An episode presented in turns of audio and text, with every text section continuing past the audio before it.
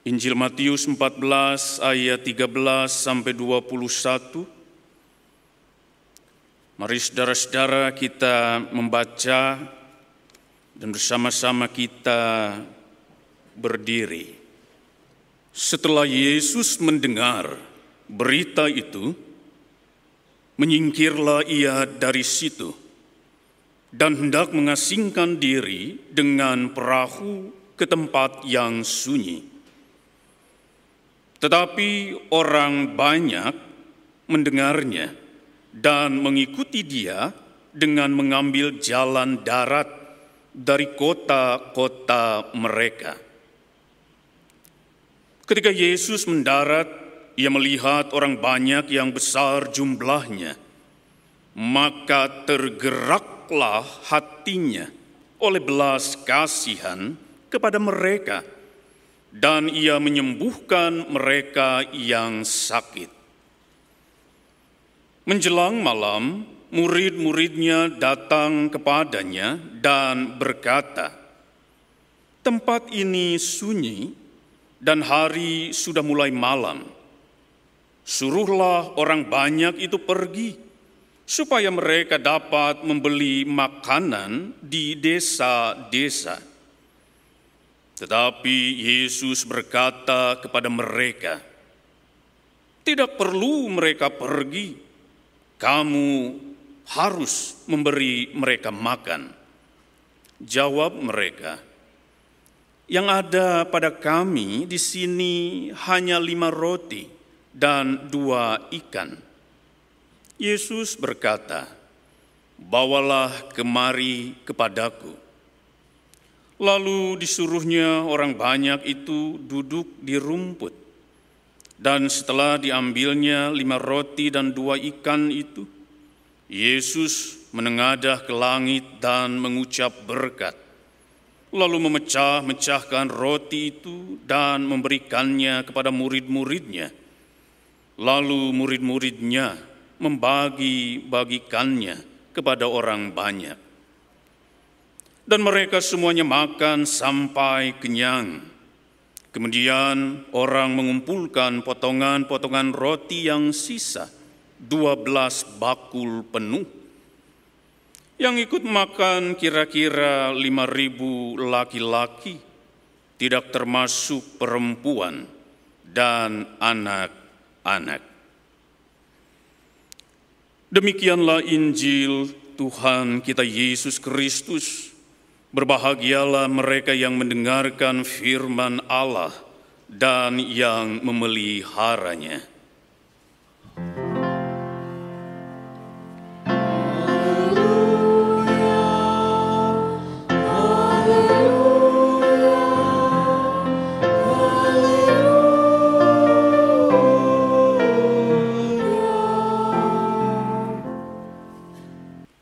Saudara-saudara yang dikasihi oleh Tuhan Yesus Kristus,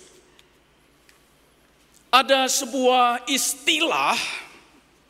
Istilah ini kalau orang Bandung memang cukup mengenal.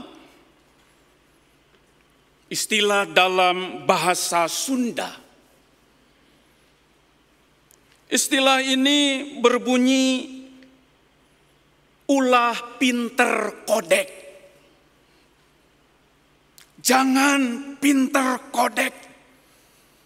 Saudara-saudara pinter kodek akan saya coba jelaskan karena dalam padanan bahasa Indonesia agak susah. Tapi orang yang pinter kodek adalah orang yang pinter buat diri sendiri. Orang yang pinter kodek itu adalah orang yang mau diberkati hidupnya, tapi dia tidak mau menjadi berkat. Mau diberi, tapi ia tidak mau berbagi.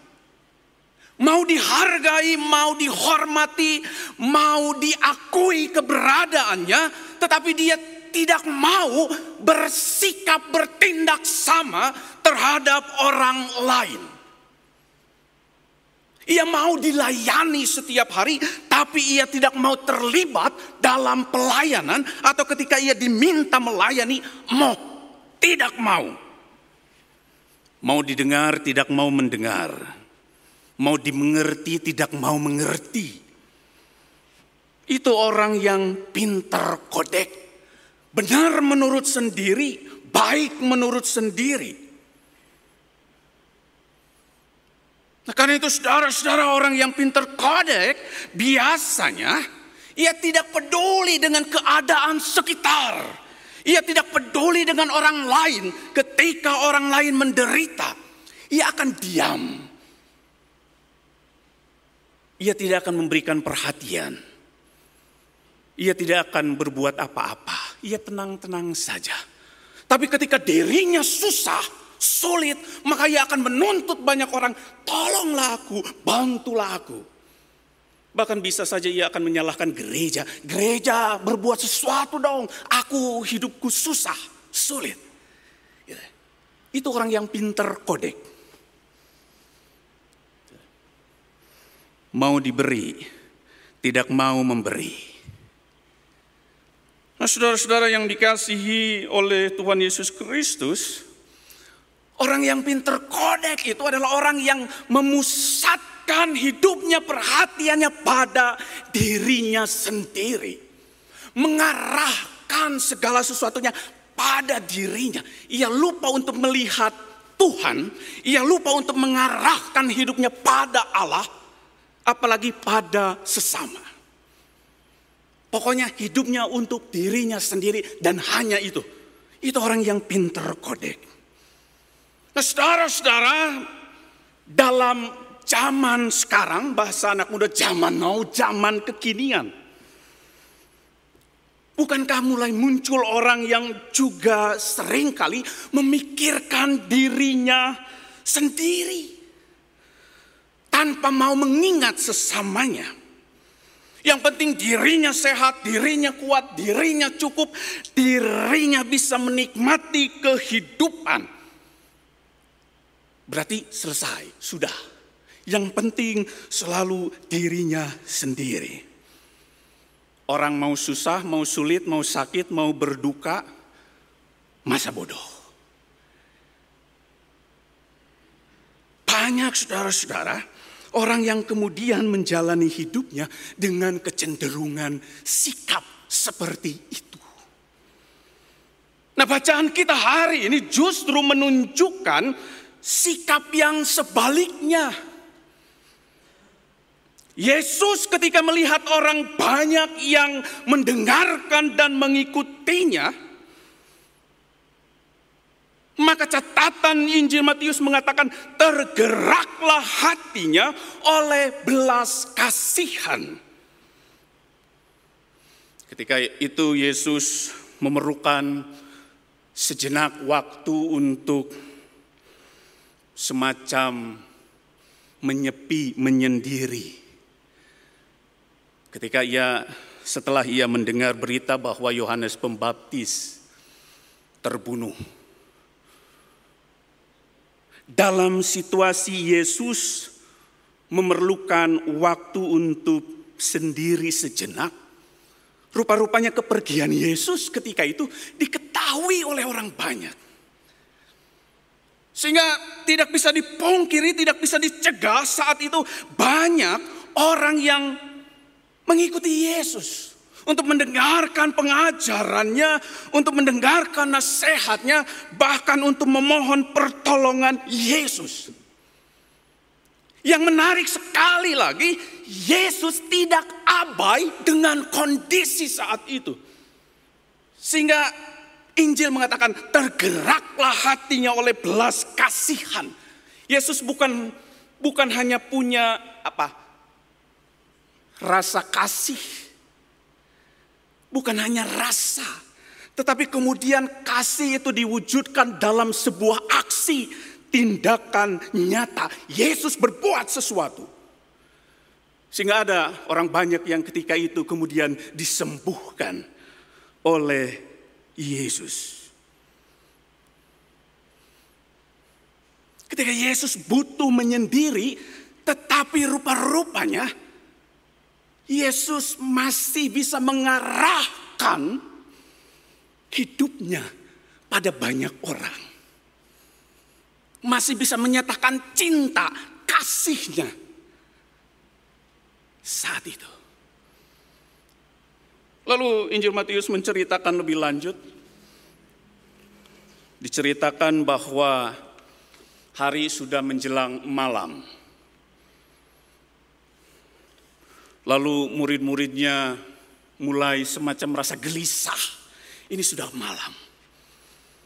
Karena yang mengikuti Yesus ketika itu tidak berkurang. Mereka masih setia mengikuti Yesus, padahal hari sudah mau malam. Ada sebuah persoalan kemudian ketika itu yang disampaikan oleh para murid. Bahwa orang banyak pasti perlu makan.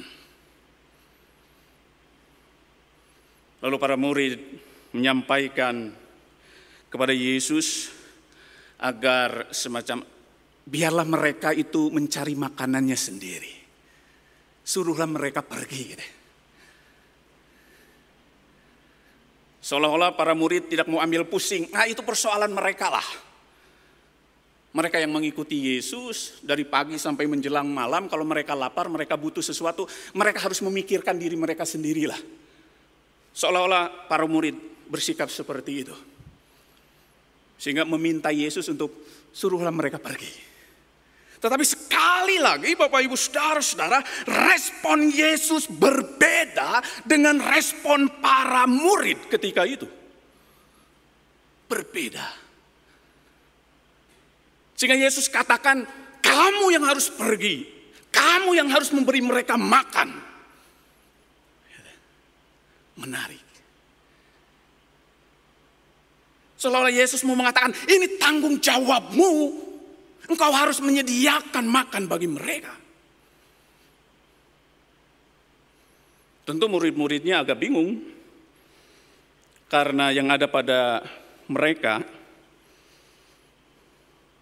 hanyalah dua ikan dan lima roti.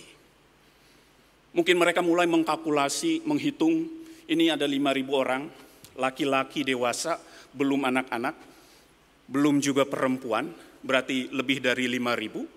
Lalu di kami hanya ada dua ikan dan lima roti. Maka ini sangat tidak, cukup, ini sangat kurang. Walaupun mungkin mau dibagi dengan potongan yang kecil pun, maka tidak akan pernah bisa mencukupi kebutuhan yang ada saat itu. Murid-muridnya berpikir ini tidak mungkin. Ini persoalan. Sekalipun di desa-desa ketika itu ada yang menjual roti dan ikan, perlu berapa toko, perlu berapa penjual. Murid-murid diperhadapkan dengan persoalan itu. Maka dua ikan dan lima roti itu bisa mencukupkan kebutuhan banyak orang. Yesus saat itu mengubah kekurangan menjadi kecukupan, mengubah sesuatu yang tidak mungkin menjadi mungkin, mengubah sesuatu yang kecil menjadi punya dampak yang besar.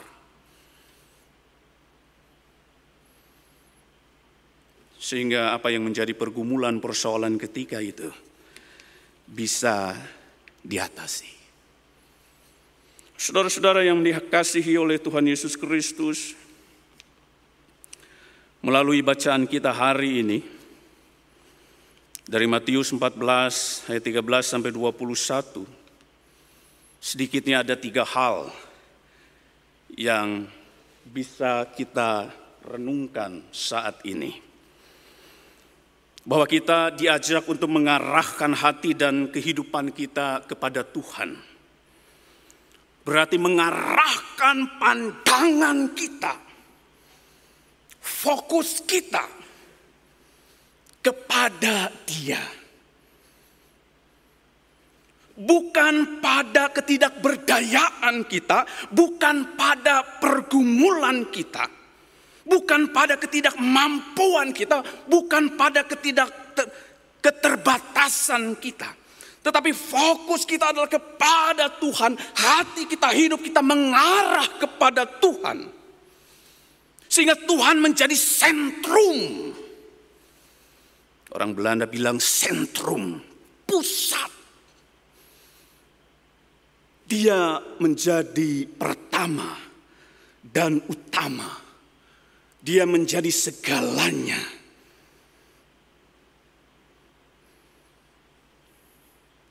Kita diingatkan yang pertama sekali lagi untuk mengarahkan pandangan kita, fokus kita pada Tuhan. Persoalannya saudara-saudara manusia sering kali justru mengarahkan hidupnya terlalu fokus dengan masalah hidupnya. Oh ini berat, ini tidak mudah, saya pasti tidak bisa, saya pasti gagal. Manusia sering kali seperti itu. Karena yang dilihat hanya masalah. Seperti gambaran manusia hanya sering kali melihat serigala yang banyak itu, yang buas itu dan lupa untuk melihat gembala ada di sana. Kita lupa untuk melihat Tuhan, kita lupa untuk mengarahkan hati kita, kehidupan kita pada Tuhan. Murid-murid hanya melihat persoalan ketika itu, hanya melihat kekurangan. Dua ikan dan lima roti tidak cukup. Dan mungkin kita juga saat ini hanya melihat kekurangan dalam hidup kita. Hanya melihat keterbatasan kita. Hanya melihat pergumulan masalah kita. Sehingga kita lupa justru untuk melihat Tuhan. Mengarahkan pandangannya kepada dia. Saudara-saudara, ketika kita mengarahkan pandangan kita kepada dia, bahkan menaruh segala harapan kita kepada Dia, yakinlah bahwa itu tidak akan pernah menjadi pengharapan yang sia-sia. Karena hidup yang terarah pada Allah adalah hidup yang pada akhirnya akan dikuatkan oleh Allah. Dan kita tidak akan kalah dengan persoalan, apalagi menyerah tapi kita akan mampu selalu berserah dan terus mengandalkan Tuhan. Yang kedua, mengarahkan hati dan kehidupan pada Tuhan. Maka ini bisa juga berarti kita diingatkan bahwa kita harus memiliki iman yang bersedia ikut Tuhan setiap hari. Mengarahkan hidup kita kepada Tuhan berarti memiliki iman yang bersedia ikut Tuhan setiap hari. Iman yang nampak, iman yang nyata, iman yang mampu dibuktikan oleh perbuatan kita, kasih kita, kepedulian kita pada sesama.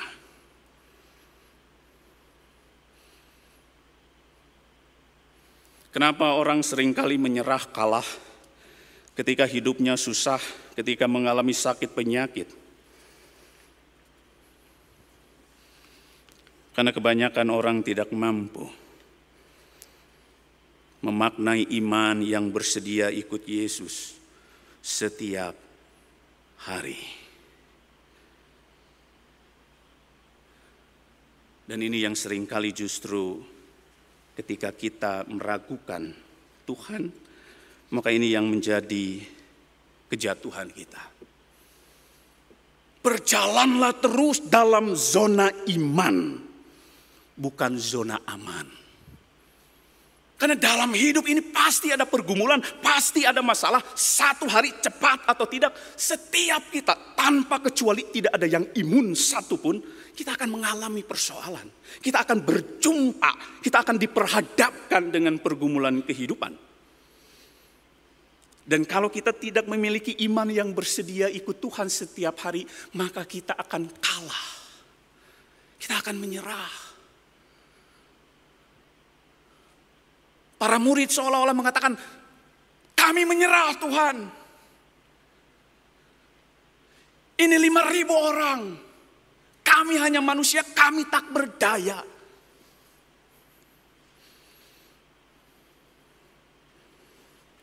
Dan mungkin ini juga menjadi sikap atau respon banyak orang ketika kita menghadapi pandemi virus corona. Mungkin kita ada banyak mungkin orang yang mulai menyerah. Ya udahlah nggak usah pakai masker misalnya. Ya udahlah nggak usah jaga jarak. Toh si corona tetap ada. Kita bebas saja sekarang mah ke mana-mana tanpa menjaga protokol kesehatan. Mengarahkan pandangan, mengarahkan hidup pada Tuhan berarti memiliki iman yang bersedia ikut Tuhan setiap hari. Yang ketiga, Bapak Ibu, saudara-saudara, mengarahkan hati dan kehidupan pada Tuhan ini menjadi penting agar hidup kita tidak salah arah dan tetap berjalan di arah yang benar agar hidup kita diatur oleh Tuhan, supaya menjadi teratur dan tidak membentur. Karena ketika kita membentur, maka kita akan hancur. Berarti mengarahkan hati dan kehidupan kita pada Allah berarti kita berkomitmen pada diri kita sendiri. Aku mau, aku siap diarahkan oleh Tuhan.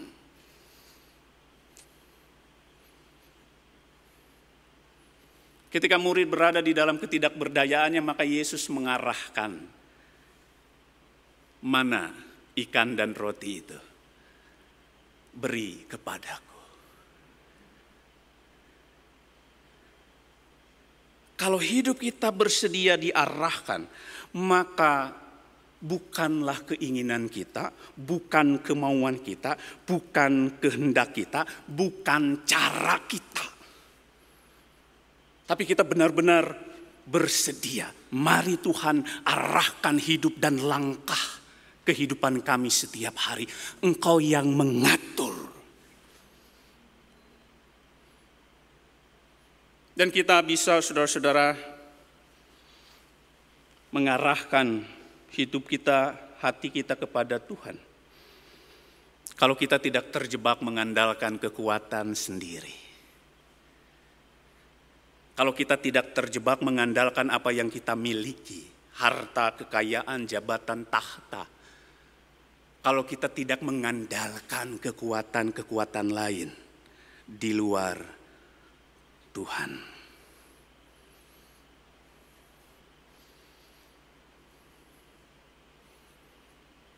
Saudara-saudara yang dikasihi oleh Tuhan Yesus Kristus. Ketika kita bersedia diarahkan,